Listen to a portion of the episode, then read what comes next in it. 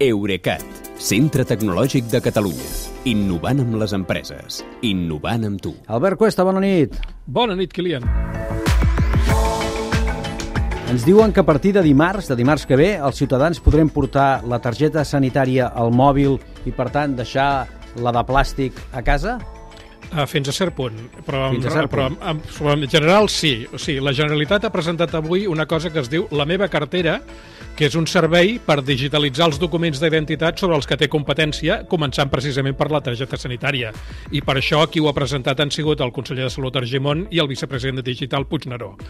Aviam, això de posar la targeta sanitària al mòbil jo crec que era una reclamació eh, molt habitual, perquè a mi em semblava molt estrany poder accedir al portal La meva salut amb el telèfon i allà no trobar-hi precisament el document més important de tots, que és el que t'identifica davant del Servei Públic de Salut. Mm -hmm. uh, a partir de la setmana que ve eh, sembla que podrem anar a la farmàcia i ensenyar la pantalleta del mòbil per rebre la medicació que tinguem pautada i progressivament també als centres d'atenció primària i als hospitals. I dic eh, progressivament perquè encara no es pot anar tots, només el 40% per, dels centres, perquè els escàners de l'altre 60%, els actuals, poden llegir el codi de barres de la targeta física, però no el de la rèplica amb una pantalla, i per això els aniran canviant. I cal anar a la meva targeta .gencat.cat i descarregar una aplicació per Android o iPhone? Doncs això és el que pensaries però quan parles de mòbil, però no és així perquè la meva, la meva cartera és una aplicació web, és a dir, que es fa servir amb el navegador web del telèfon, i això a mi em sembla molt bé, ni que sigui perquè no t'ocupa espai a la memòria del telèfon. Esclar.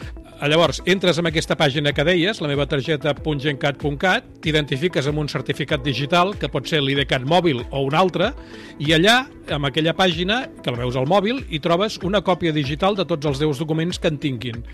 Uh, a veure, de fet, si vols tenir-los descarregats al telèfon per poder-hi accedir mentre no tinguis cobertura, que és una cosa que passa, sí. també pots fer-ho. Uh -huh. A mi l'únic que em grinyola és que no hagin optat pel format de document Passbook, que és l'estàndard per a mòbils que es pot carregar als wallet d'Android i d'iPhone. Uh, per exemple, les targetes d'embarcament o les, les entrades de I concerts. per què ho fa, això, així, la Generalitat?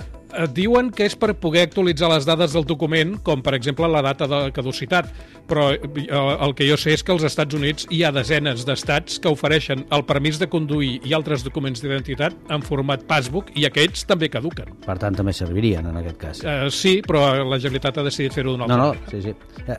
Si és una cartera, a més de la targeta sanitària, hi podrem portar altres documents, Albert? D'això es tracta, perquè si no seria la targeta sanitària digital i en diuen la meva cartera.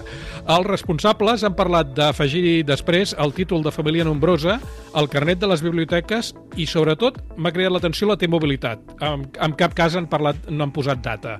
I dic que això m'interessa molt, lo de la T-mobilitat, i penso seguir-ho de prop perquè per substituir l'aplicació descarregable de l'ATM, la que ja existeix, i poder passar amb el mòbil per les validadores de les estacions, caldrà que la meva cartera també accedeixi directament a l'antena NFC del telèfon.